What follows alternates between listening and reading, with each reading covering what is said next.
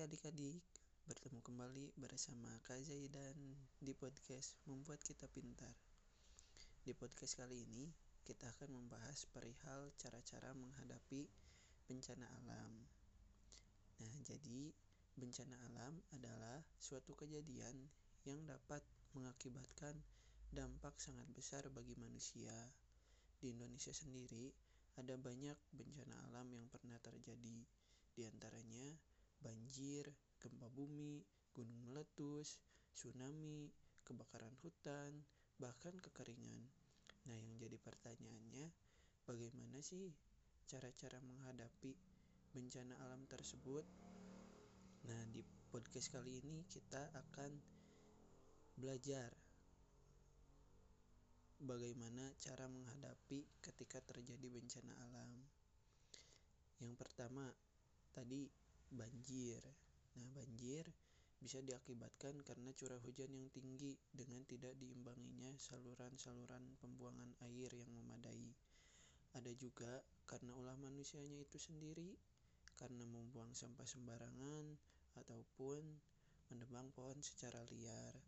Nah, jadi adik-adik semuanya kalau buang sampah harus pada tempatnya ya. Jangan sampai buang sampah sembarangan. Kemudian yang kedua yaitu gempa bumi.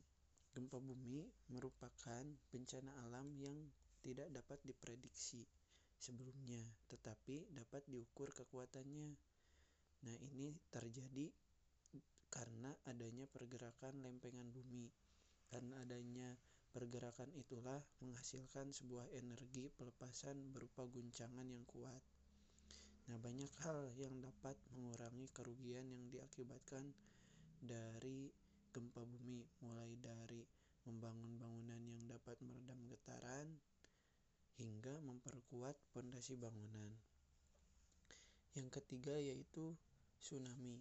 Nah, tsunami bisa diakibatkan karena adanya gempa bumi tadi di, tetapi di dasar laut yang kemudian mengakibatkan gelombang raksasa yang dapat menyapu bersih daerah pantai dan sekitarnya. Yang keempat yaitu gunung meletus. Nah, gunung meletus ini bisa diakibatkan karena adanya aktivitas magma yang meningkat di dalam perut bumi.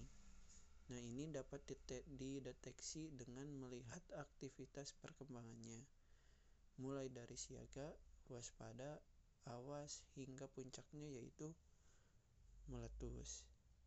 Yang kelima yaitu kekeringan. Nah, kekeringan bisa diakibatkan karena curah hujan yang turun dan suhu bumi yang semakin panas. Bertambah suhu bumi yang semakin meningkat biasanya disebut pemanasan global. Di Indonesia sendiri, kekeringan hampir selalu terjadi di setiap tahunnya di berbagai tempat yang berbeda. Nah, yang terakhir atau yang keenam yaitu kebakaran hutan.